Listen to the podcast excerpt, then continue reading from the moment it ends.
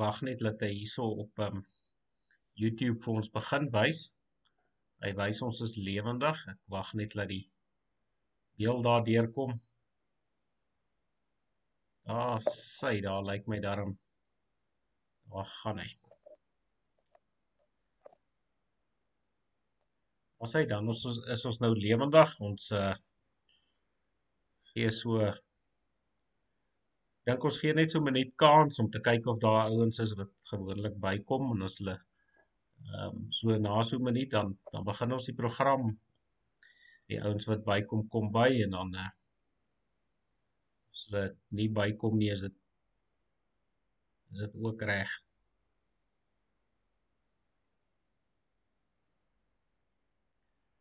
Ja, so as die ding nou begin lewendig gaan, dan vat dit mos nou maar 'n rukkie vir die ouens om te sien die ding het nou lewendig gegaan en voor hulle dan nou op die wa spring.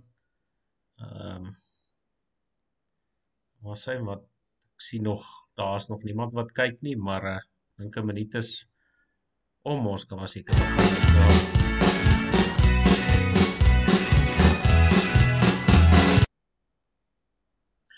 Goeienaand en welkom by Baardbraad. My vingers is vanaand 'n bietjie dik. Ek begin sommer met die intree video voor ek welkom sê. Welkom aan al die kykers en die luisteraars. Ons hoop julle geniet vanaand se program. Uh en ja, die manne wat na ons luister. Ek sien nou Dewald van Wyk is klaar hier op um ek sien die manne wat na ons kyk. Vra gerus julle vrae so deur die bespreking en ons sal kyk uh wat ons kan antwoord. Ek uh is nie so slim nie, maar gelukkig het ek slim gaste en ek sien nou George sê op naand goeie naand George. As hy Tian baie welkom. Dis lekker om met jou te gesels daar uit die Karoo. Ongelukkig soos, soos ek verneem is dit maar nog steeds die droë Karoo. Dan sê Alwyn, ja, dankie. Lekker om weer met jou te gesels, lekker om saam met jou te kuier. Al die pad hierdie kolonie, jy's heeltemal reg. Die kolonie het so streep streep reën gekry teen die kus af. Die Boland is pragtig, die Oeverberg is 'n lushof. Suid-Kaap lyk mooi en die selfs die Klein Karoo se uh, waterblomme is bitter bitter mooi. Maar ja, hierdie middelste vetterige kol waar die klomp vryburgers ingetrek het toe hulle kwaad geraak het vir die regering in die Kaap. Uh ons styg nog aan die agterspeen. Ons het uh, ons het nog nie ons beurt gehad nie, maar ons wag geduldig. Ons wag geduldig. Ja. Ja, ons bid, ons bid dat daar reën by julle sal kom, maar voor ons nou so begin met die program. Ek het nou 'n interessante gesprek gehad. Ehm um, die naweek was ek so bietjie daar in die Vrystaat gekuier daar op Johan se voorstoep. Ehm um, en dis ook goed om te sien hoe lyk die Vrystaat. Die manne was maar net uh besig met uh uh met brande daar. Lyk my die brande is is 'n redelike probleem en terwyl ons op die snelweg gery het, sien ek die manne is besig. Ehm um, en ek wil vir Jack Kripper vra, gedraai jou asseblief is 'n ordentlike program. As jy nie jouself kan inhou nie, verwyder jouself asseblief. Ehm um, maar ja, skus, hy het my nou van my van my troontjie af, maar ou kon sommer sien die manne knip lyndrade en hulle is besig om die om die ehm um, vure te veg en die boere vrouens is agter op die bakkies besig om te spuit terwyl die manne bestuur en die brandspanne was redelik besig. Ehm um, so ek dink die manne het baie goed gedoen. Ehm um, en ja, baie sterk ook vir die manne wat daar met die brande sukkel. Dit is mos nou maar daai tyd van die jaar. Uh, Tiaan, maar jy laas vir my gesê dis nou nie 'n verskriklike probleem daar by julle nie. ja, weet jy Alwyn, my pa het altyd gesê niks in die lewe het soveel nadele dat hy nie voordele ook het nie. Nou dis een van die een van die voordele van die Karoo is ons bosse staan te ver uit mekaar uit. Uh so die een brand uit tot op die grond tot as dan kom die vuur nog nie by die volgende een nie. Ehm um, so ja, dit is nou die een voordeel van die Karoo.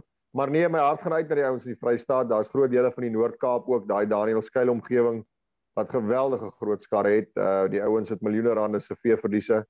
So ehm, ja, dit is ehm um, 'n mens sou graag wou sien, maar nou sê Johan daarom ook vir my dat daar's daarom dele in die Vrystaat wat na afloop van die brande het hulle ook nou al goeie reëns gehad. So ek kan nou dink hoe mooi gaan daai gras want ek bedoel hy gaan nou die die lente lê voor en die somer lê voor, groei seisoen lê voor. So kom ons hoop daai veld herstel gou. Ehm um, en uh, dat die dat die dat die ouens die skade en die verliese kan beperk. Ja, ek moet nou sê, ehm um, toe ons daar was, ek dink dit was Vrydag aand, uh was uh die weer daar gewees soos ehm um, jy weet soos die ANC regering vol beloftes maar daar het niks gebeur nie. Jy weet so hy het 'n bietjie gedreun en te kere gegaan maar uh, jy weet die die druppels het nou nie regtig die grond raak geval nie. Ehm um, maar so so op 'n ander punt ek ek ontmoet 'n ander jong man daar in Bloemfontein. Nou ek het nou finaal besluit om nie my baard te skeer na die naweek nie. Ehm um, daar's 'n jong man en hy spreek my op my naam aan en hy ek sê toe vir hom nee en hy vra toe naderhand verskoning dat hy nie sê oom nie. Ehm um, ek sê vir hom nee wat ek gaan nou nie laat sulke kleinigheidjies my plan nie maar hy sê nee jy weet ek lyk nie vir hom verskriklik oud nie. Jy weet dit lyk of ek so net hier oor die 30 se kant is. Ehm um, jy weet so ek is nou bang as ek my baard afskeer lyk ek 15 so ek dink ek moet van my baard hou. ja, alwen ek weet nie dit uh ja, ek weet nie of dit miskien 'n bietjie uh ek ek dink dis 'n bietjie opportunisties. Ek dink nie ek gaan uh ek gaan ek gaan daai 15 15 jaar ouderdom gaan ek nie voorgaan nie. Ek het jou ek het jou al gesien met 'n korter baard, maar nietemin, ehm um, Ja nee, gaan gaan na voor dan kyk ons ek meen hoe langer jou baard word, hoe jonger jonger vertoon jy. Dit sal interessant wees. Ja nee nee, kyk dit uh, dit klink vir my dit klink vir my na na 'n goeie plan die baard. Um, Almal sê altyd ek lyk ouer met die baard. So ehm um, is die eerste keer wat uh, iemand anders nou die teendeel sê. So ek ek gaan hom eerder glo voor ek die ander glo. Ek vermoed dit was dalk maar 'n manier hoe hy gekompenseer het vir die feit dat hy nie vir jou oom gesê het nie toe hy moes vir jou oom gesê het. Nee nee, maar kyk, uh, ek het daarom geleer 'n man moet 'n kompliment vat as jy hom kry, jy weet dit gebeur nie baie nie, veral as jy soos ek lyk, like, jy weet. Konteks is belangrik, konteks is belangrik ou vriend, konteks. uh, sy kom ons begin net ons sê dankie vir ons borge kerkhof begrafnisdienste. Ons het so rukkie terug gesels met met Johan Greiling soos ek sê, hy begrawe mense hier om die Wesrand so 150 km van Kreeusdorp af radius, maar hy sê hy sal verder ry vir ons eie mense. So ehm um, as jy ons program, ek dink is dit twee programme terug wat ons met hom gesels het. Jy weet hy's baie bekostigbaar. Ek dink dit gaan jou 'n bietjie goedkoper kos as wat ander ouens jou gaan kos. Ehm um, so ja, ons weet ons lewe in 'n moeilike tyd waar die bome om ons val en weet dit is nou nie is soos 'n ander oom sê hulle kap nou net meer in ons bos nie hulle kap nou sommer in ons laan ook jy weet so ons moet nou maar uh, versigtig wees en as as 'n ou ongelukkig so iets moet nodig hê kan jy hulle gerus vir vir Dom Johan Greiling kontak by 083 302 2787 en uh, ja dan uh, dan kan jy hulle omgesels. Ek sien uh, Bram vra waar is julle is dit aan my kant? Ek weet nie dit lyk of hy aan my kant reg speel Bram. Ek weet nie ek dink is dalk aan aan jou kant waar die probleem lê. Ehm um, Matian ja jong hierdie nuus die volksnuus is redelik min. Ehm um, en uh, ja dan moet ons nou natuurlik oor die paroolrot praat. Ons sal nou nou by hom uitkom. Maar een van die belangrike gebeurtenisse wat gebeur het hierdie week, dit is so Ehm um, O, ek sien hierso sê hulle ekskuus, Rolf Martin sê ook ek weet nie daar lyk my is by hom ook 'n 'n probleem. Ek weet nie aan my kant lyk dit of alles reg speel. Ek kyk hierso op uh, op YouTube terwyl ek uitsaai so ek uh, glo alles alles loop hier aan my kant. So ek vra om verskoning as daar probleme is. Ehm um, sê ek sien die mense sê dit lyk of die ding ekskuus Tian, dit lyk of die dinge weer aan die gang is daarso. Ja, ekskuus, ons het oor party goed het ons nou nie beheer nie. Die ding wys hierso by my syne sterk en elke ding. Um, miskien is daar 'n kraai wat op die draad sit. Maar Tian, een van die belangrikste belangrike gebeurtenisse of herdenkings ek ek weet nie of mense sê moet 'n herdenking nie dit dit is eintlik 'n slegte deel van ons uh geskiedenis, maar so twee dae terug op die 6de is daar ehm um, was dit nou natuurlik die herdenking van die moord op dokter Verwoerd. Dit was 55 jaar gelede as my wiskunde my nou nie so so verskriklik in die steek laat nie. Ehm um, wat se invloed dink jy dokter Verwoerd se moord gehad op op die pad wat Suid-Afrika op was op daardie stadium? Albei eerstens uh, tragiese dag tragiese dag in ons geskiedenis. Ehm um, daar's bitter min van die mense wat dit beleef en ervaar het wat nie vir jou sal sê hoe absoluut verslae die volk was nie. Ehm um, ek dink dit het 'n geweldige negatiewe impak gehad op die diskurs wat ons daarna ingeslaan het. Dr Verwoerd was in 'n sekere sin die rigtingwyser. Hy was 'n 'n spreekwoordelike noord wanneer dit gekom het spesifiek by die beleid van afsonderlike ontwikkeling. Ehm um, met verwysing na die die die vestiging van 'n 'n langer termyn volhoubare oplossing wanneer dit kom by die staatkundige kwessie van van ons volk. So um, dit was 'n dit was 'n vernietigende dag in daardie opsig. Die ouens wat na hom gekom het, daar was letterlik net nie daar was net nie van hom vir hom 'n opvolger gewees ehm um, wat polities oor die die ondersteuning geniet het wat hom kon opvolg en wat vir ons kon uh jy weet op daai pad vo vorentoe vat wat hy ons opgeplaas het nie. Ehm um, die ouens het maar net eenvoudig ja, wel 'n mens kan nou daar's natuurlik baie bespiegeling oor en en en teorieë oor waarom hy vermoor is en hoekom hy vermoor is en wie hom laat vermoor ensovoorts ensovoorts. Mense hoef nou nie in daai tegniese detail verstrengel te raak nie. Maar die punt is net is dat ehm um, die die die suksespad waarop Suid-Afrika en spesifiek die nasionale party regering was met die beleid van afsonderlike ontwikkeling ehm um, en die vestiging van 'n uh, Verenigde State van Suid-Afrika uh, dit het net eenvoudig skibreek gelei met die moord op dokter Verwoerd het die wiele maar net stadig maar seker afgekom totdat ons uiteindelik op 'n punt gekom het waar um, ek dink amper die meerderheid politici vir mekaar gesê het maar jy weet ons het is is in ons is in 'n doodloopstraat ons dit die ding wil nie die ding wil net nie werk nie. Ehm um, maar die fout het begin want dit was ongelukkig een van daai beleidsrigtinge wat jy daar was net eenvoudig nie ruimte vir vir kompromie nie. Uh, en jy moes rotsvas kon staan soos wat dokter Verwoerd gedoen het. En ehm um, ek wil tog dit noem alwyn wat interessant is is ek het die voorreg gehad om by meer as een geleentheid die Verwoerd gedenklesing by te woon daar op Orania wat aangebied word. Ek dit was destyds Epog wat dit aangebied het. Ek weet nie of die Vryheidsstichting dit nou voortgesit het nie. Maar dit is uh vir die van ons mense wat belangstel en in spesifiek daai deel van die geskiedenis en die lewe van dokter Verwoerd uh fascinerend vind. Ehm um, sal ek dit is 'n geleentheid definitief aanbeveel doen gerus die moeite, dis 'n jaarlikse instelling en ehm um, dit is ongelooflik leersaam. Daar is in diepte besprekings daar rondom. Kry ook die voorreg om van sy kinders te ontmoet en kleinkinders. So ek sal dit sterk aanbeveel. Ja, ek moet sê ek het die voorreg gehad om hier naby ons ehm um, nie heeltemal op my voorstoep nie, dis uh, maar daar by Diamantvallei ehm um, waar dokter Verwoerd se se kleinkinders natuurlik of se kinders natuurlik bly en sy kleinkinders ook ehm um, het ons het ek ook 'n diner op 'n stadion bygewoon uh oor dokter Verwoerd en uh, dit was vir my lekker om om 'n bietjie van sy kinders te hoor die man wat hy was. Jy weet goed wat hy nie noodwendig in boeke lees nie. Ehm um, jy weet in die staaltjies wat daar vertel is oor dokter Verwoerd ehm um, jy weet hy ou ou kyk mos baie keer na hierdie ouens uh vanuit 'n politieke bril en mens kyk gewoonlik die mens mis en uh soos jy sê dit was vir my 'n groot voorreg om 'n bietjie meer agter te kom oor oor dokter Verwoerd die mens. Ehm um, jy weet ek een van die staaltjies wat ehm um, vertel word uh dink is oom Hendrik wat vertel het van uh, waar hulle in die in die skool was en die skool was nie te ver van van waar hulle gebly het nie maar dat dokter Verwoerd absoluut geweier het dat hulle met die amptsmotor of die regeringsmotor dan afgelaai word by die skool. Hulle moes fiets ry. Hy het gesê nee, dis belastingbetalers geld. Hulle kan nie belastingbetalers geld mors nie. Uh jy weet en ons sit nou nogal ehm um, jy weet dieselfde wat mense hoor deur as ek skuis ek slaan my oë op na my kantoor. Ek het 'n uh, groot manne wat hier op my neerkyk.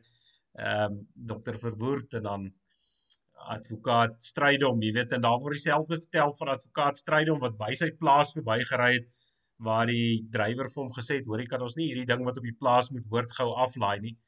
Ehm um, en sy plaas was natuurlik op Nylstroom en hy het al die pad teruggery uh Pretoria toe en van daar af weer met sy eie voertuig teruggery plaas toe om die gereedskapstuk te gaan aflaai want hy het gesê mens kan nie die die amptsmotor vir sulke goed gebruik nie. Dit is um, heeltemal in teenstelling met wat ons vandag beleef. Ja, alwen dis wêrelde van mekaar verwyder. Jy kan nie jy kan nie dink dat daar op 'n stadium in hierdie land se geskiedenis sulke staatsmanne was nie. Ehm um, en en tog ons het so gewoond geraak aan aan hierdie verwronge beelde van sogenaamde leiers dat ehm um, die afgelope 30 jaar Uh daar sal die ouens wees wat vir jou sê 40 jaar.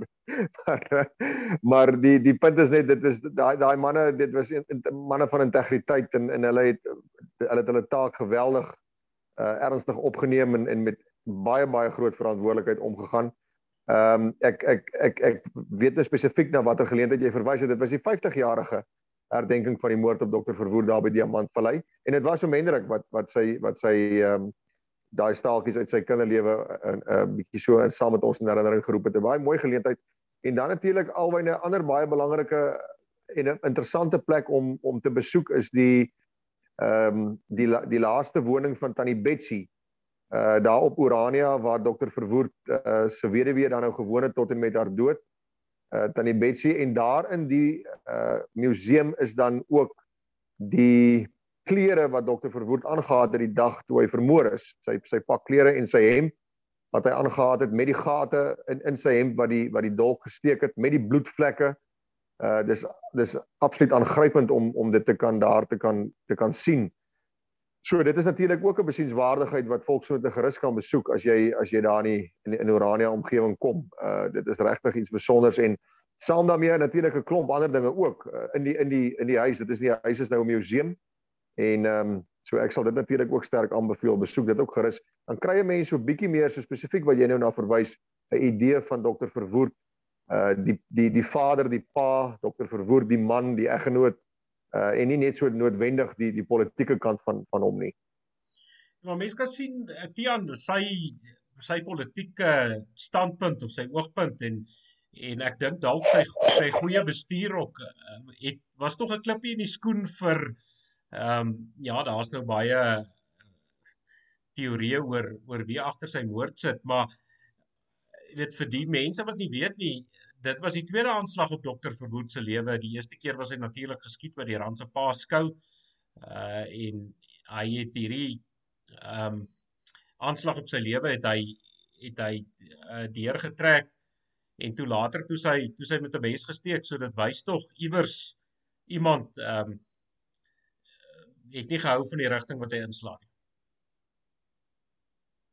Ja, kyk alwen en wat wat dit natuurlik vir vir sy oppositie baie meer frustrerend gemaak het was die feit dat hy net eenvoudig meer en meer steun geniet het. Ek bedoel daar was letterlik in sy laaste verkiesing eh, sê die ouens so spottenderwys was dit ehm um, dit was 'n enkelinge gewees uh, wat wat in die oppositiebanke nog nog jy weet teen hom was ehm um, 'n faksmasjien en 'n hond en en miskien die twee ondersteuners wat nie vir hom gestem het nie. Dokter Verwoerd was net eenvoudig op daai stadium polities so sterk geposisioneer die nasionale party het 'n golf gery uh en en dit is natuurlik wat sy oppositie en en sy teenstanders so erg frustreer het. Ehm um, daar was nie 'n ding soos uh, ons gaan nou 'n lekker jy weet 'n goeie argument formuleer en nou gaan ons na die parlement en dan gaan ons hierdie ehm um, hierdie argument ter tafel lê en ons gaan dokter Verwoerd se wind uit sy seile uit. Daar het nie so iets bestaan nie. Ehm um, hy was letterlik op 'n stadium spreekwoordelik onaantastbaar en dit het natuurlik 'n groot klomp frustrasie meegebring by sy teenstanders. Ehm um, en uh ja, dit was natuurlik tragies dat dit hulle nou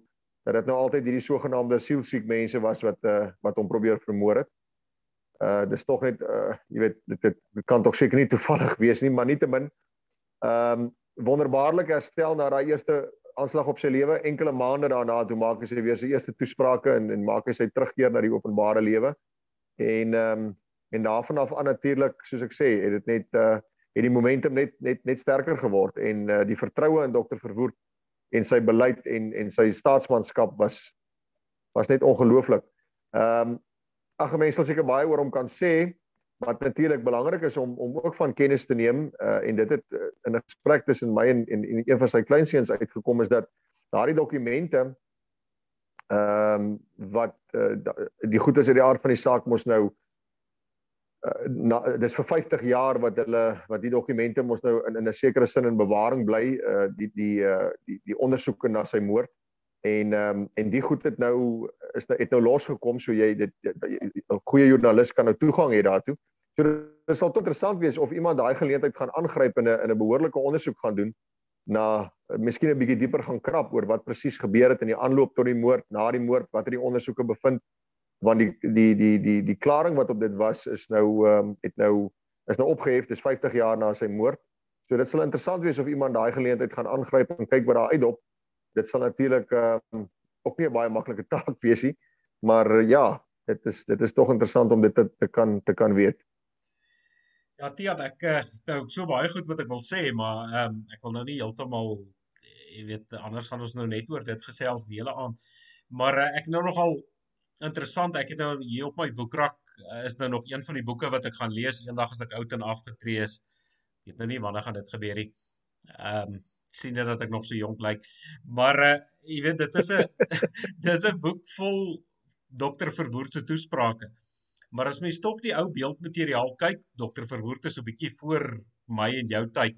Maar as mens beeldmateriaal kyk uh, en ek weet my my gryse vader het ook altyd die opmerking gemaak, jy weet, uh, as dokter Verwoerte toespraak gelewer het, het hy nooit op op papier gekyk nie. Ehm um, jy weet as mens kyk, hy het nooit afgekyk nie. Dit was vir my half snaaks om 'n boek te kyk met die toesprake as mens sien hoe hy 'n toespraak gelewer en iemand maak juis um, op bakkiesblad die opmerking so 2 dae terug. Jy weet dit was nie 'n ou wat verlore was as iemand sy iPad gevat het nie. Jy weet dit is 'n man wat nie gesukkel het om te praat nie. ja, alweer in die rede daarvoor is eenvoudigheid geglo in dit wat hy sê. Ehm um, dit het dit het uit sy hart uit gekom. Hy was eenvoudig 100% oortuig dat dit wat hy hier verkondig ehm um, is is is die regte pad. Dit is die pad van Suid-Afrika, dis die pad vir sy volk. Uh, wat natuurlik baie interessant is om om en en 'n mens kan dit gerus uh, jy weet is die feit dat baie van sy teenstanders, sy oppositie het hom natuurlik as hopeloos te liberaal en te gematig beskou uh want Dr Verwoerd se standpunt was dat Suid-Afrika moet wegbeweeg van die beginsel van voogdyskap wat ons nou maar by die imperiale moondhede van ouds geërf het. Uh kom ons noem dit dan ook sommer baaskap. Uh ons moet wegbeweeg van daardie beginsel um en ons moet be, be, meer beweeg na 'n punt van uh, selfstandige en onafhanklike bestaan van van die verskillende etniese volke in in suidelik Suider-Afrika. En dit is hoekom hy dan ook gedroom het van 'n van 'n Verenigde State van Suider-Afrika. So dit is in en daai idee dat hy dat hy die dat hy die Afrikaner wou wegvat van die beginsel van voogdyskap en en vir hom 'n eie vrye land wou bewerkstellig uh was natuurlik vir sy oppositie sogenaamd jy weet dit was net uh dit was net ander kant hulle denke raamwerk hulle kon dit net nie insien nie. Ehm uh, hulle het maar gewerk met daai ou gevestigde denkpatrone wat hulle geërf het van die Britte en uh en van van van die van die paleis en en en sy koning en koninginne. En ehm um, nou ja, dokter Verwoerd was aan die ander kant daai denkpatrone en dit was vir in 'n sekere sin vir baie ons net 'n groot sprong. Hulle kon net nie daar kom nie. Soos wat dit vandag nog vir te veel ouens vir baie ouens 'n te groot sprong is om te maak. Ja, dis nou natuurlik, uh, soos jy sê, dit was nou natuurlik waar die ontstaan van die tuislande, soos ons al geleer het op skool, die TBVC lande, jy weet, uh, dis waar hulle ontstaan het om juis vir elke volk sy eie sy eie plekkie te gee, sy eie plekkie waar hy oor homself kan regeer. Uh jy weet en die die plan was dan ook om hierdie lande uh, jy weet half onafhanklik te maak dat dat daai ons oor hulle eie sake besluit en dat ehm um, Suid-Afrika natuurlik oor oor jy weet dat ons oor ons eie sake besluit. En dit was ons weet nou natuurlik toe hierdie uh ANC regime oorgevat het, toe was dit die eerste ding wat by die deur uitgewaai het. Ja, kyk, sy sy sy beleid was ons ons moet ons moet hierdie imperiale konstruk. Hy het die idee van 'n Verenigde Suid-Afrika gesien as 'n imperiale konstruk wat in diens gestaan het en die beste belange van van Engeland gedien het en nie die beste belange van die mense van Suid-Afrika nie. So dit het vir hom gegaan oor oor hoe ontbondel jy op 'n vredesame manier uh onthou hy het tot 'n groot mate 'n geïntegreerde samelewing geërf by die by die Sappe in 48 en hy moes hierdie ding op 'n vredesame manier ontbondel en hy was soos ek sê hy was op 'n hy was op 'n suksespad. Dit is net so ons ons ons ons het gesien waarheen net Suid-Afrika op daardie stadium begin beweeg. En en dit is 'n projek wat besig was om te slaag. Nou dit was natuurlik een van die goedjies waaroor ons nie graag praat nie en baie van dokter Verwoerd se ondersteuners ook nie graag praat nie, was die feit dat hy 'n groot voorstander daarvan was dat ons meer van die groot Suid-Afrika moet prysgee, groter grondgebied moet prysgee.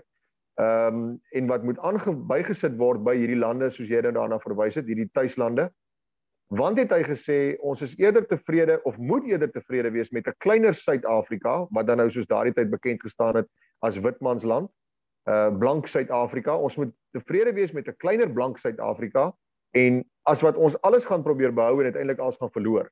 Nou dit was een van die groot punte van kritiek op sy beleid en en die jou sappe het dit natuurlik holrig gery. Maar alwen om nou net by 'n volgende punt daarbey aan te sluit, hoe kan daar nou vir ons 'n beter voorbeeld wees van dat Dr. Verwoerd se beleidsrigting ehm um, real politiek was. Dit was dit was politiek wat wat wat in voeling was met die realiteit op die grond. Hoekom sê ek so? As jy nou gaan kyk wat het hierdie afgelope week nou gebeur ehm um, met uh, die hoofman ene meneer Jakob Zuma. Ehm um, en die manier hoe hy nou behandel word daardeur korrektiewe dienste en die manier waarop hy deur sy ondersteuners en sy uh, tot 'n groot mate sy volk uh, op die hande gedra word ten spyte van ten spyte van alles wat gebeur het. Uh dit wys net vir jou hierdie ek, ek ons ken die boek The Clash of The Clash of Civilizations. Dit is 'n dis 'n botsing van beskawings. Dit is wêrelde van mekaar verwyder.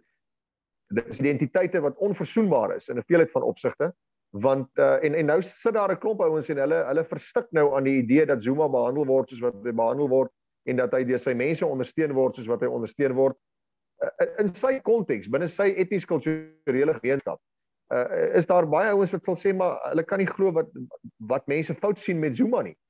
En dokter Verwoerd het dit ondervang deur te sê gee vir Zuma sy land dat hy en sy mense in hulle land maak soos hulle dit verkies. En dan gee jy vir vir my wat Afrikaner is 'n land en dan sal ek in my land maak soos ek verkies. En dit is in wese die beginsel van sy beleid gewees. Maar nou ja, die res is geskiedenis. Ja, ek dink wat nou nogal interessant is Tian, ehm um, wat die gesprek ons nou daarna toe lei is dat uh ons weet hoe die die regerders van die dag jy weet die die kom ons noem dit maar die ou Suid-Afrika baie beskuldig het van baaskap en dit terwyl ons jy weet daar voorsiening gemaak is vir volke om hulle self te regeer op hulle eie grond maar uh, toe die ANC aan bewind kom toe verkneg hulle hierdie volke wat oor hulle self regeer ook en hulle wil oor hulle ook baas speel. Ehm um, dis nogal snaaks dat hierdie geskiedenis of daai gedeelte vertel hulle nie graag nie. Uh jy weet dit maak hulle nie mooi rigbaar nie want dan val hulle hele, hele argument plat. Ehm um, ja, so dis dis maar net so interessantheid veral vir jonger vir jonger geslag wat luister dat hulle ook 'n bietjie agtergrond daaroor het. Ja, ja, alhoewel ek dink om om nou nie die gesprek te lank in die rigting te stuur nie, maar wat ons maar vir mekaar moet sê, is ons moet onthou die oprigters van hierdie van hierdie een Suid-Afrika idee in 1910 was Brittanje uh was Brittanje self. Dit was die, dit was en en en ons weet natuurlik wat die posisie van Brittanje teenoor die ANC was spesifiek in hierdie uh paar jaar na die sogenaamde val van die van die van die Berlynse muur en die en die val van van sosialisme, kommunisme. Uh het daar 'n baie baie noue verhouding uh, wat toe alreeds baie jare bestaan het, maar baie sterk ontwikkel in daai vroeë 90er jare tussen die ANC en Brittanje. Ehm um, en met die ANC se onderneming om om hierdie ontbondeling van Suid-Afrika wat dan deur die nasionale party geïnisieer is stop te sit en weer van Suid-Afrika hierdie eenheidstaat te maak. Uh dink ek moes die Engelse baie opgewonde gemaak het. Dit was uh, amper 'n eeu later en uh en hulle kon sê nee goed, uh ons het uiteindelik nou weer 'n bondgenoot in Suid-Afrika wat vir ons sal help om ons doelwit van 'n verenigde Suid-Afrika voor te sit. Ja, dis nogal snaaks jy so praat, jy weet, ehm um, die een klompie met die blanke velle is die varke in die verhaal terwyl uh, die ouens van die dag graag die ander ouens met die blanke velle se idees navolg en hulle taal wil praat. Ehm um, jy weet hulle hulle ja. gooi klip omdat hulle een ehm um, een ligvellige volk se taal moet praat met die ander een omarm hulle uh, dat daar in so 'n mate dat daar in baie gevalle uh nou al van die van die swart bevolking is wat glad nie meer hulle eie moedertaal magtig is nie. Ja, ja. En uh, maar ek wil tog vir jou sê ek vermoed, ek vermoed en ek mag dalk heeltemal verkeerd wees, maar ek vermoed die een uh groepering ligvelliges het dalk 'n dikker chequeboek as die ander groepering uh, ligvelliges. Ek dink dit dit is waar die groot verskil kom. ja nee, kyk, daar's mos een ou wat sê, jy weet, follow the money. Jy weet en dan kom jy gewoonlik by die meeste ja. antwoorde op jou vrae uit. Weet as jy kyk waar die geld heen stroom en en waar is die oorsprong van die geld dan dan word baie goed vir jou duidelik. Matian, ja, as ons nou praat, jy het nou so geraak aan um, aan nou stortkop se Manewales. Ek het hom nou sommer gedoop paroolrot. Ehm um, dis nou nogal interessant hoe sy parool verloop het en dat hy sommer so skielik op parool vrygelaat is en nou sien ek daar word nou baie vrae gevra en jy weet lyk my die waarheid word op baie plekke snaaks gepraat.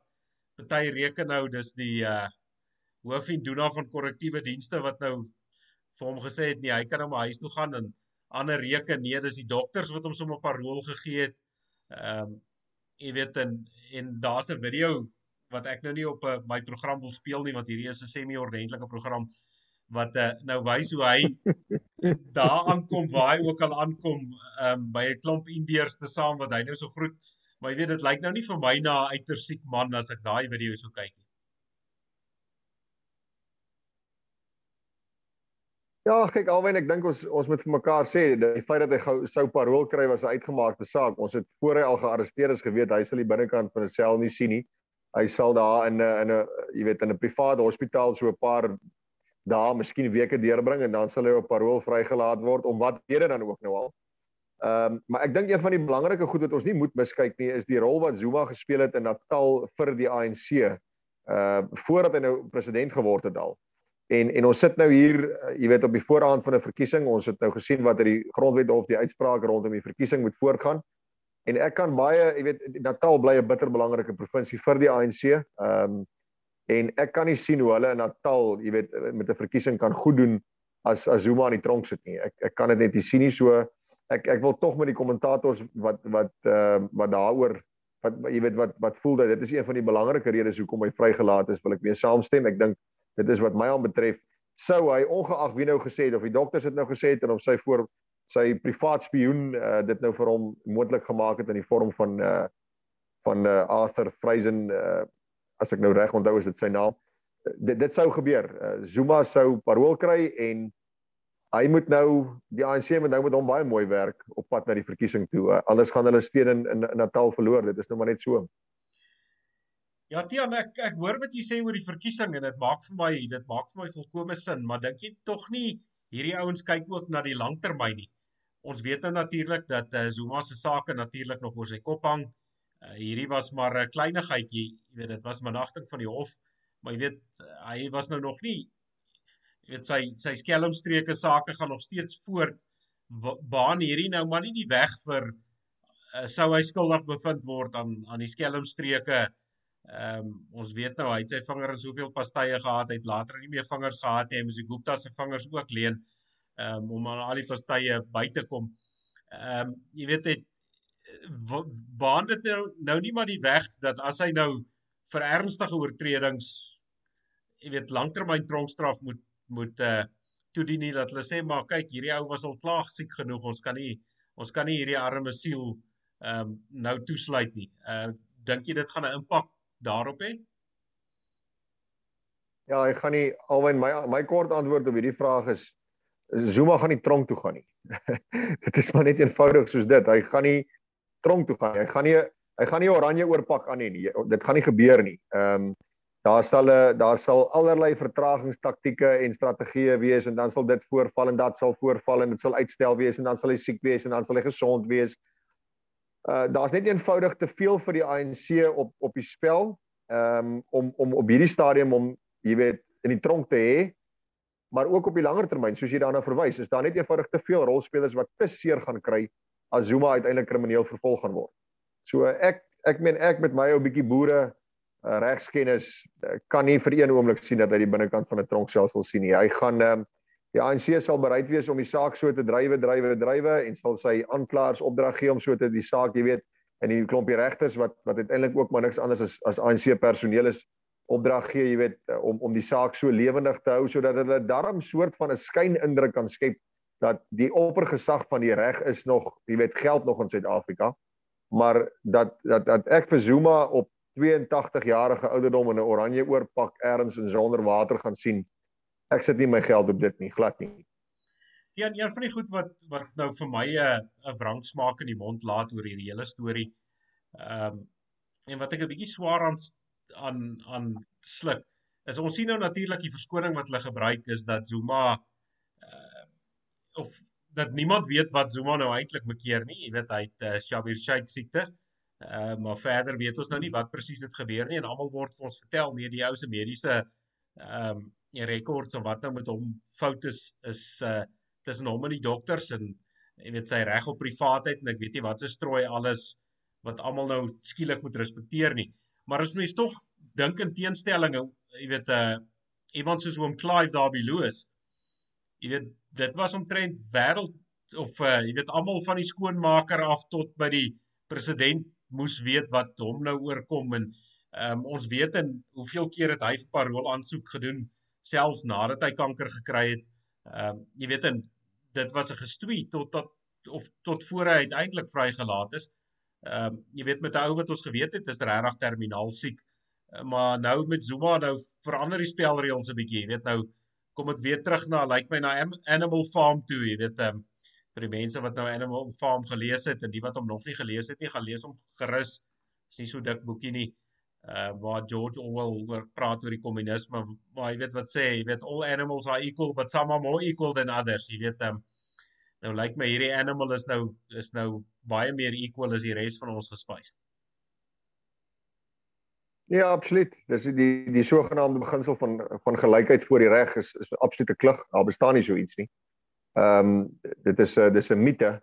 'n ander praktiese voorbeeld daarvan alwen is ons het gehoor na afloop van hierdie onluste in Natal nou so tyd gelede dat dit 'n sogenaamde staatsgreep poging was. Nou ons onthou wat het destyds met die boere mag gebeur Ehm um, en hoe hulle behandel is vir vir 'n 10 jaar periode was dit ouens wat verhoor afwagtend was. Hulle het gesit in tronke. Uh, Daar sit vandag nog van hulle in tronke. En ehm um, en dit was nou omdat hulle kwansy 'n staatsgreep sou beplan het.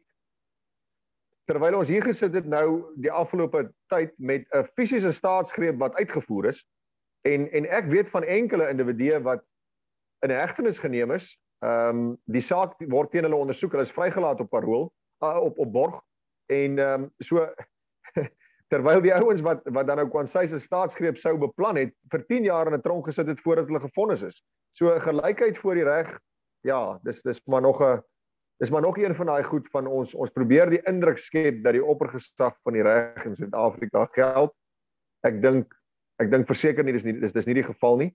Ehm um, en wanneer dit kom by hierdie politieke kriminele en spesifiek die ANC as rowerbende, dan moet ons aanvaar gaan hierdie sogenaamde demokratiese reëls nog baie gebuig word in die jare wat kom.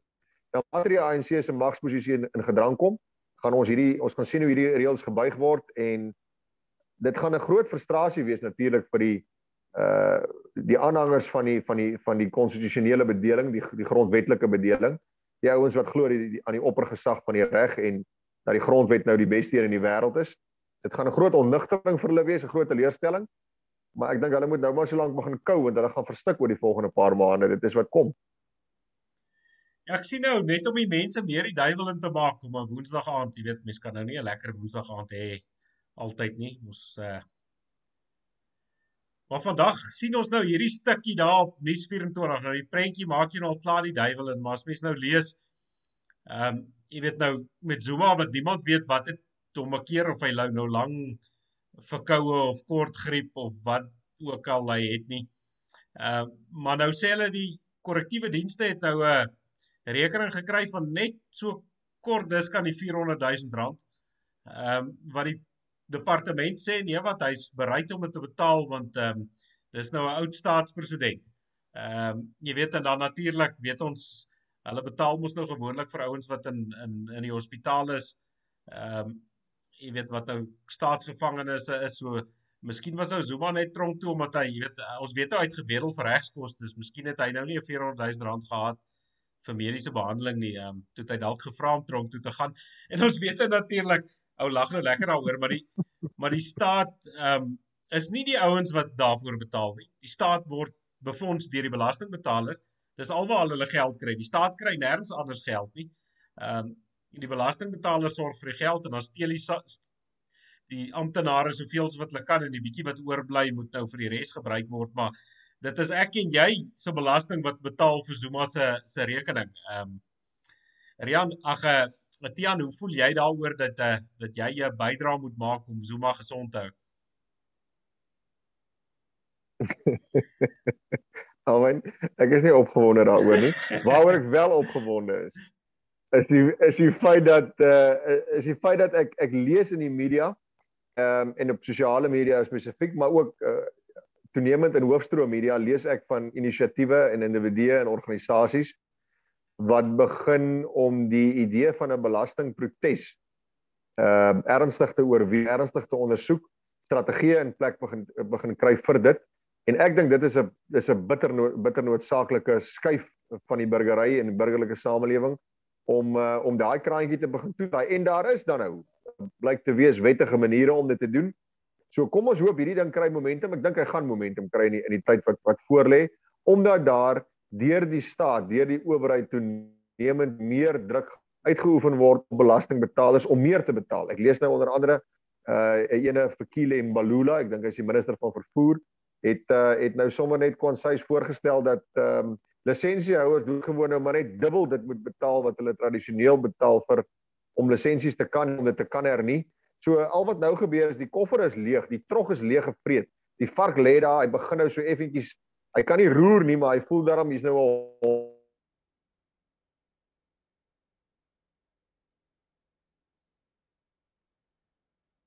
As ek sien Tiaan hakkel so bietjie as jy net uh... oor pyn en sy antwoord is nou maar net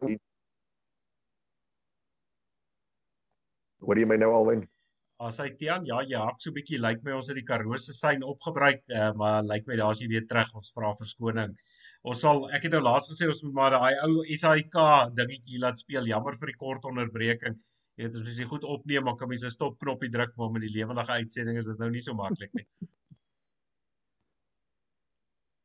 Matian, ja, jy was besig om te sê ja. oor die Ja, weet ek net wou sê ek ek, ek Ja, nee, wat ek wil sê is ek hoop regtig ons kan terugvoer gee in 'n episode of 3 van van vanaand af uh rondom die momentum wat hierdie belastingprotes begin kry uh en dat ons uh dat ons kan sien dat ons mense begin uh net eenvoudig sê jy weet genoeg is genoeg. Ons ons gaan nie meer verder belasting betaal aan 'n staat wat op hierdie manier met ons met ons geld omgaan nie. Ja, ek wou nou sê as die ouens nou gevra dat ek mediese hulp aan Zuma moet gee, dan sou ek nou met graagte my geelgriep inspuiting vir hom skenk, jy weet. Um, weet en as as ons nog so 'n paar duisend ouens kry wat hy die inspuiting, jy weet, dan kan ons hom vol vol gate druk en kan hy vir die volgende 20 jaar as hy nou van iets doodgaan, gaan hy dan nie van die van die geelgriep dood nie. Uh maar een ding wat nou ook interessant is, dit of dis dis vir my eintlik dit maak ou nou weer die feeste in. Ehm um, jy weet dit maak ou kwaad. Ons ons het nou so ruk terug gesien natuurlik hoe daai ou uh wat die hoed op sit dat hy weet watter kant van sy liggaam hy moet voer. Ehm um, so te kere gegaan het met die wysigings in die wapenwet wat hierdie ouens wil doen. Nou sien ons hier by Wespark begrafplaas nou ek weet nie of jy bekend is met Wespark nie. Ehm um, dit is een een van die voorstede van Johannesburg, jy weet ek dink dit is seker een van die grootste begrafplase. Nou hulle het nou een of ander kader daar begrawe, een of ander ek weet nie ek uh, kan nou nie die ou se naam onthou nie en ek stel ook nie verskriklik belang nie. Maar toe het hulle hierdie ou nou daar in Weska Wespark gaan plant op op 'n op die Sondag. En toe daar nou 'n klomp ouens skote in die lug afgevuur. Uh blykbaar terwyl daar hoë offisiere van die polisie teenwoordig was, ek weet nou nie of hulle ook deel van die roubeklaars was of hulle nou net daar gestaan mooi lyk het nie. Maar toe het een van hierdie dwaalkoels 'n tannie wat by 'n ouete huis in die tuin gesit het en die been getref. Ehm um, en ek lees ook dat ehm um, nie ver daarvan af nie het ehm um, een van hierdie dwalkoels ook deur 'n ou oom se se ruit gekom en in sy slaapkamer gelukkig het dit hom nie getref nie, maar dit was blykbaar ook nie baie ver mis nie. Tian nou en nou dink ek terug aan aan aan daai rooi Teletubby wat op sy vergadering ook so in die lug geskiet het. As ek en jy dit doen by een of ander begrafnis van ons mense, dan uh, word ons op die plek gearresteer, maar lyk like my die polisie is te bang om teen hierdie ouens op te tree of ehm uh, weet of hulle ondersteun hulle optrede is daar's nou weer een van daai ehm um, een van die gevalle waar waar wetgewing net vir sekere mense geld en nie vir ander nie ja, weer terug terug by gelykheid voor die reg. Uh en en met 'n ongelisensieerde vuurwapen terloops. Ehm um, wat nou en en daai rooi Teletubby waarna jy nou verwys, die die hofsaak, sy sy saak is mos nou hangende en die is nou uitgestel op 'n vreemde manier om om vreemde redes is is is die saak nou uitgestel en gaan nie nou voort volgens die beplande skedule nie. Ehm um, so dis maar weer 'n geval van, jy weet, die die politiek bestuur uit, uiteindelik is mag reg. En as ek genoeg mag het, dan sal ek bepaal hoe lyk die reg. hoe wanneer kom hy uh, jy weet die reg uiteindelik tot uitvoer? Wanneer word daar uh, binne ons howe uitsprake gelewer? Hoe lyk die uitsprake? Die die magsbalans is uiteindelik die die een wat die finale lot werp. Uh wanneer dit kom by by die reg. Dis is die magsbalans in die politiek. Nou alweer nou kom ons weer terug by by ons oorsprong by ons beginpunt wanneer dit kom by dokter Verwoerd uh binne die Afrika konteks moet ons maar vir mekaar sê is dit glad nie 'n vreemde praktyk nie. Dit is die manier waarop die hoofmanne en die konings uh monargie in Afrika te werk gaan. Ehm um, terwyl in 'n in 'n sogenaamde westerse demokrasie waar daar 'n oppergesag van die reg is en daar's 'n konstitusionele bedeling, daar ken ons dit anders. En dit is hoekom dit so belangrik is dat ons moet ruimtes, fisiese ruimtes skep waar hierdie verskillende en uiteenlopende lewens en wêreldbeskouings geakkommodeer word de facto op die grond. Ehm um, dit is bitter belangrik. Daar sonder sal daar deurlopende spanningslyne in Suid-Afrika en Suider-Afrika wees wat net stywer en stywer gaan word. En ehm um, ek weet nie wat wat dit eintlik die die grootste teleurstelling gaan wees vir die ou wat wat gaan glo dit dit gaan beter word of vir die ou wat dit geïnisieer het nie. Ehm um, Maar dit kan nie werk nie. Dit is nie dis nie veronderstel om te werk nie. Ons moet ruimte skep waar daai koning en hoofman kan gaan vat van die vettigheid van sy land en sy onder onderdane gaan daarmee tevrede wees terwyl ons ook ruimte skep waar die grondwetlike bedeling en die en die grondwetlike demokrasie, westerse demokrasie soos ek en jy dit ken, ehm um, uiteindelik dan nou die die regeringsstelsel gaan wees. Daarsonder sal dit nie daar da gaan nie daar kan nie daar kan nie vrede wees nie. Daar kan nie vrede wees nie. Ja nee, as ons nou weer na een van die groot wyses in ons um, in ons verlede luister, ek dink dit was Tosius wat gesê het, jy weet 'n uh, goeie grensdrade maak goeie bure. Net en ek dink dit is in in in geval met lande is dit kan dit ook nie meer waar wees nie. Ja. Maar Alwyn, ek dink wat ons moet sê eh, voor jy nou daar die possak lees, en dit is dalk in die toekoms in in ons program moet inbou uh is wanneer ons vir vir ons mense terugvoer gee en nou moeite maak daarmee om om sinvol terugvoer te gee oor die vordering wat ons maak op die grond daar waar daai de facto werklikhede geskep word. Ehm um, ek dink so 'n bietjie positiewe terugvoer vanuit daai ruimte sal dalk goed wees om vir ons kykers en lees en uh ja, ons ondersteuners te wys, jy weet, ons sit dan nie op ons hande en ons kla net oor Zuma se kriminaliteit en die en die regering se uh, se se se foute nie. Ons ehm um, daar's 'n volk daar buite wat wat wat hand aan die ploeg slaan en wat 'n verskil maak. Ja, Tiaan, ek het nou die naweek ook met een van die ehm um, ooms gesels wat erg roei op die volksakker en ek het hom nou beloof ek gaan hom ook 'n bietjie ligtyd gee. So 'n program of wat van nou af uh, sal ek maar maar reël. Dit gaan nou nie oor politiek nie, maar dit gaan oor volkseie sport. Ehm um, jy weet manne wat hulle beywer vir volkseie sport. Nou ehm um, weet dis ook 'n deel van vry wees. Elke stukkie wat ons ons kan losmaak uh van hierdie van hierdie bedeling op wat watter manier ook al. Ehm um, weet 'n 'n goeie vriend van ons ou Johan sê dit baie duidelik. Uh jy weet selfbeskikking begin baie keer klein. Dis die watertank wat jy op jou huis sit sodat jy kan water hê as die munisipaliteit nie water het nie. Ehm um, dis die sonpaneel wat jy opsit dat jy nie van 'n falende Eskom afhanklik moet wees nie. Jy weet so baie keer ehm um, daar's verskillende vorms behalwe behalwe die politiek, maar ek dink dis ek ek dink jy's jy's reg mens moet by die politiek ook uitkom, maar maar vryheid en en selfbeskikking het het vele fasette as as bloot net 'n politieke uitkoms. Ons weet ehm um, dat politieke uitkomste nie iets is wat oornag gaan gebeur nie. Nee, dit is alwen en en mog ons stryd en strewe vir vryheid nooit nooit ophou nie. Ons is uh in die woorde van Dr. Malan dit aan die voorgeslag verskuldig. Uh daar was nooit 'n tyd in ons volk se geskiedenis waar hy nie of gestry het om vryheid te bekom of gestry het om vryheid te behou nie. So daai stryd mag net eenvoudig nooit sterf nie. Ons ons moet daai vlam brandend hou. En en en die plek jy onsself nou bevind, die die era waarin ons leef, ehm um, is die die pad na die roetekaart na vryheid myns en siens ehm um, is by daai self doen goed. Daai begin met daai klein aksietjies om jouself los te maak van van 'n staatlike bedeling wat vyandig teenoor jou staan. Klein trekkies vorentoe uh en al hierdie klein stroompies sal uiteindelik bymekaar vloei in 'n sterk rivier vorm, 'n vryheidsstroom vorm. So, maar dit dan moet ons daaroor praat. Ons moet daarmee moeite maak. uh en bietjie van ons energie uit so bietjie wegkanaliseer van daai negatiewe destruktiewe goed en fokus op die positiewe goed. Ek ek sien uit daarna om daai program vir jou te luister wanneer die ou wanneer die man met jou gaan gesels oor volkshuis sport. Dis 'n belangrike deel van ons volks se lewe. 'n Sport of ons nou daarvan hou of nie. Ek mense mag met my verskil. Ek dink is 'n bitter belangrike deel.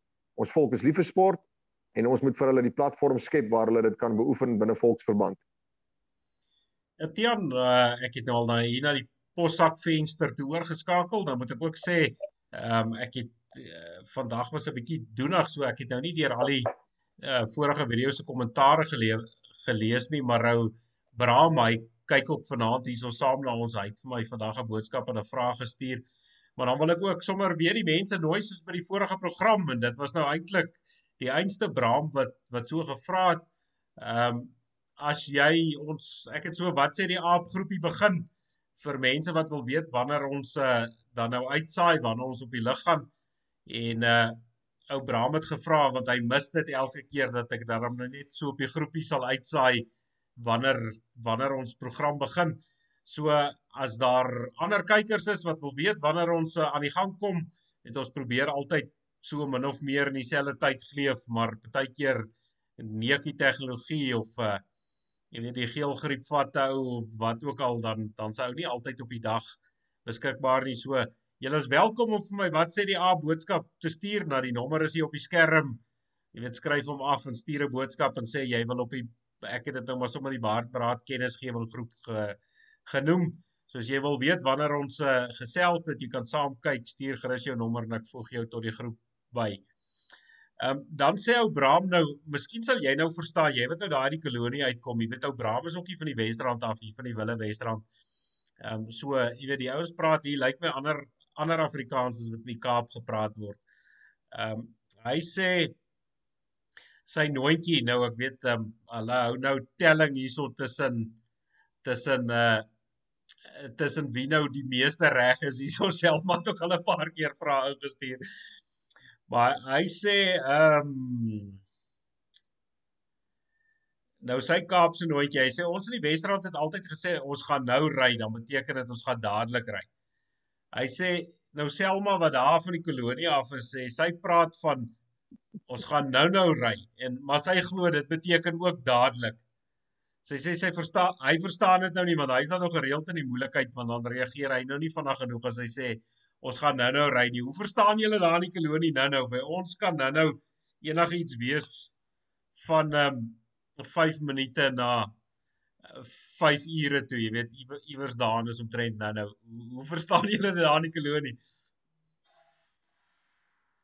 Kyk, 'n vrou natuurlik verkies altyd om haar opsies 'n bietjie oop te hou. Uh sy wil haar haar, haar jy weet haarself nie te veel dink nie. So ek ek vermoed dit is maar wat sy nooitjie doen, is sy hou vir haarself opsies oop. Nee, ek ek verstaan ook die nou nou op ek die nou nou eh, verwysing na nou nou is wat my aan betref ook uh, so 'n bietjie, jy weet, hy gee vir jou tydjie, ons gaan nou nou ry. Maar jy ken natuurlik die storie van die ou wat gevra is om 'n skildery oor die ewigheid te maak. En uh toe skilder hy twee vrouens wat voor 'n motor staan besig is om mekaar te groet. So nou nou ry, ja, dit kan dit kan op verskillende maniere geïnterpreteer word. Etienne, ek gaan daar nie kommentaar lewer nie want ek is een van daai manne as ek in die gesels raak by 'n motor dan um, kuier ek baie keer langer buite by die motor as binne tot my vrou se ontsteltenis ja. vir alles sy haastig is. So ek weet nie of dit heeltemal 'n vrou ding is nie. Jy weet vir alles ou ou goeie geselskap het dan wil jy nou wil jy nou elke minuut daarvan gebruik en terwyl jy nou haastig is, dan raak die gesprek nou weer 'n interessante rigting, dan raak ek ook baie keer 'n bietjie vas. Ja. Maar maar ja, kyk as sê my vrou ook nie, maar sy het gesê ons gaan nou ry dan. Dan sê ek ja, maar ons gaan ons gaan nou ry. Ehm uh, maar dan beteken my nou ook nie dadelik nie alhoewel ek die nou en die nou-nou ook verstaan soos jy so ek. Ehm um, ja, Bram, ek dink daar's weer 'n punt vir jou. Ek dink ehm um, ons moet Selma terugstuur na Afrikaanse klasse toe, maar sy kan maar Afrikaanse klasse hier by Baardberaad kom kry want uh op 'n skool dink ek jy gaan sy ordentlik Afrikaanse klasse kry in vandag se lewe nie.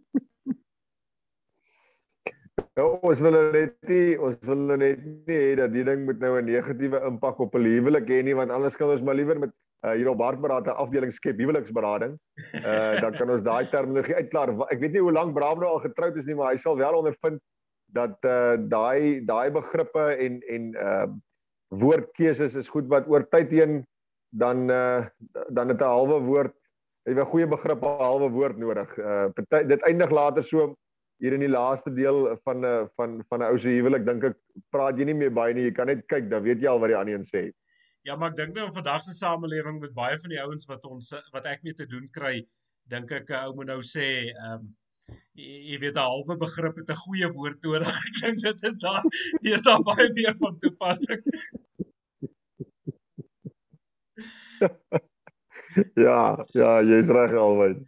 Tiaan nou voor ons hier lag op die einde van die program, ek dink hier's nou een keer wat ons dalk 'n uur gaan maak um, en hier oor 'n uur gaan gaan. Nie maar ek sien nou Ronald Harris vra uh jy weet wat is my agtergrond of ek 'n radioomroeper is.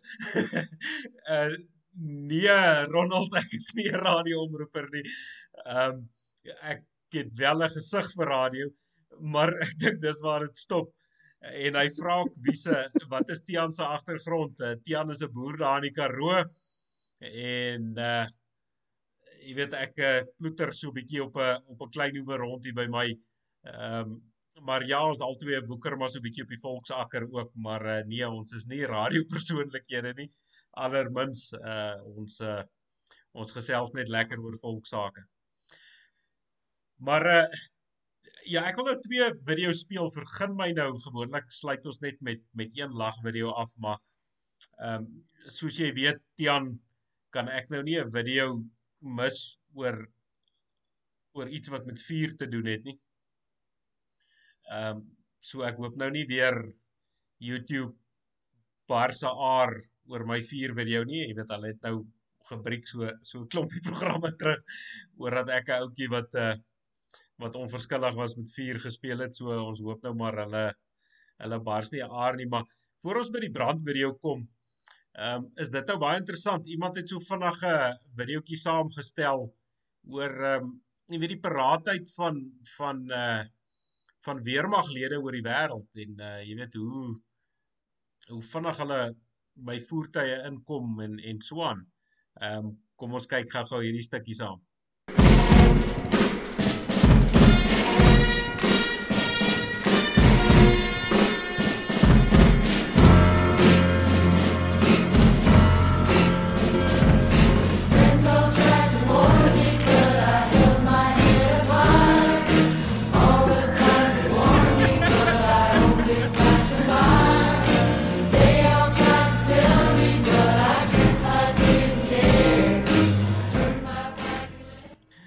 Sit net die musiek so stadig, maar kyk hierdie is vir my skreeuslaaks.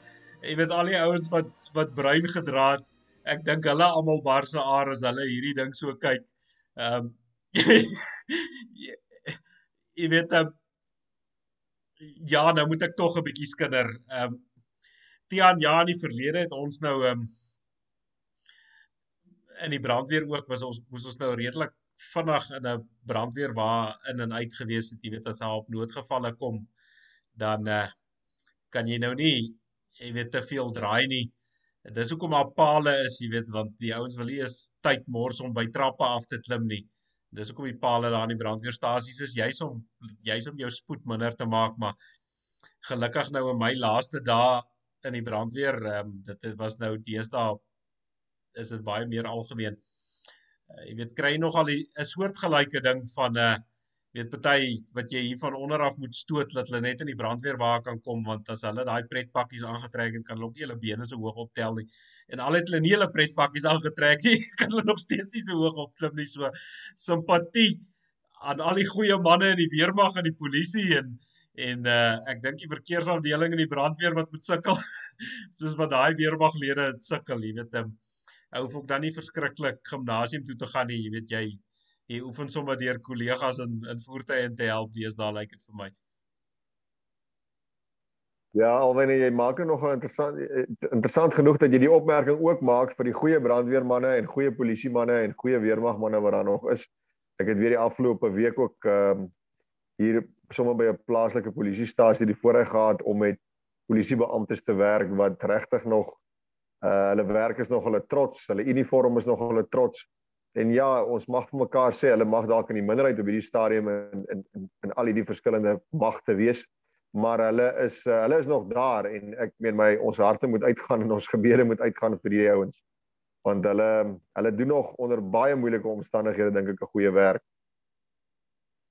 As hy ja, skus ek lees nou hier terwyl jy gesels, ek sien nou Rolf Martens antwoord van nou of hy sê is dit regtig goeie geselskap is dan gesels jy tot deur die voertuig se venster en klim weer uit en gesels af weer van voor af. Ja, die, ek ken daai, ek is ek is skuldig daaraan.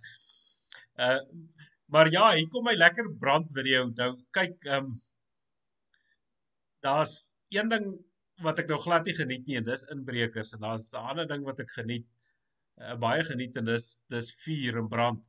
Kyk nou as mens hierdie twee saamvoeg nê, nee, dan kry mens nou 'n baie baie besondere ehm um, Natalia, kom ons kyk. Ek gaan sommer so gesels terwyl ehm um, die ding het nou nie klank by nie vir die mense wat ons luister op uh op die uh, potgoeie. Net hierdie ou slaane gat daar in 'n venster en lyk of hy wil inkruip en dan gooi hy nou 'n kannetjie as ek nou raai dan moet dit petrol wees, maar dan wag hy nou so 'n bietjie, dan vat hy sy tyd, dan besluit hy gaan hierdie ouetjie net so vinnig bietjie aan die brand steek en dan sukkel die vonkie nou om te vat. So nou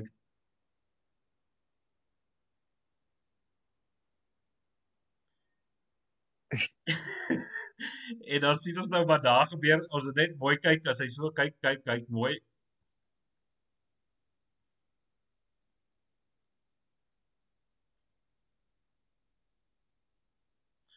Nou ek dink dis 'n geval van van boontjie kry sy lontjie, jy weet sommer uh jy weet dadelik kom hy agter hy's hy's nou besig om om nonsens aan te jag. Uh die dit dit verskaf my baie genot. Ja, alwen ek kan dit baie goed glo. Ek kan dit baie goed glo want jy was een van daai ouens wat daai vure moet blus. Ehm um, en en nou nou ek ek ek dink jy moet dit ook interessant vind en ek dink jy sal seker ook heelwat al daaroor opgelees het. Uh vanweë jou agtergrond is is nou onder andere hierdie klompe brande wat ons vroeër oor die, uh, gepraat het wat hier in die Vrystaat en groot dele van die Noord-Kaap woed. Ehm um, word die goed gestig, word hulle brand, is dit fisies mense wat die goed brand steek en ehm um, of is dit nou goed wat on, wat jy weet ongelukke wat gebeur. Ek dink dit is ook iets wat uh wat soos in daai geval van daai video uh 'n mens ja, 'n mens mag dit seker nie doen nie, maar jy jy kan amper maar net hoop dat die ouens wat as dit brandstigting is dat hierdie brandstigters uiteindelik dan nou maar 'n prys sal betaal vir dit wat hulle doen aan ander mense. Ja nee, Tian, daar's nou dit dit is 'n dit kan 'n legio oorsake wees. Ehm um, maar jy weet hier by ons wil ek sê ehm um, ag kom ons sê 95% van die goed is of brandstigting of nalatigheid. Jy weet ouers wat wag vir die dag wat die wind die meeste waai, dan besluit jy om 'n asgat aan die brand te steek om nou sy plastiek en hmm. snert te brand en wat die goed dan nou brande veroorsaak en dan's ouens wat fisies loop en en aan die brand steek. Het jy kry hulle ons het so in die begin van die seisoen ehm um, een aand toe brand dit hier by ons so so drie plekke. Jy weet jy kan sien hy's drie plekke aan die brand gesteek. Uh maar dan kry jy nou interessantheid. Ek het nou ook die naweek toe praat ek met 'n oom daar ek wil nou sê jou wêreld, maar jy weet uh, ek is nou nie heeltemal seker jou wêreld nie, jy weet maar enigiets, jy weet mos enigiets in die kolonie is is is jou wêreld. Ehm um, maar die oom is daar aan die ander kant Aliwal Noord op pad na nou die ander naam moet ontgaan.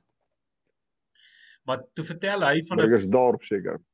Nee, hy het 'n ander naam genoem. Ek is nou nie so, dis nou dis nou hoekom die naam my nou ontgaan. Dis nou nie 'n deel van die kolonie wat ek my nou al bevind het nie maar dis nie burgersdorp nie.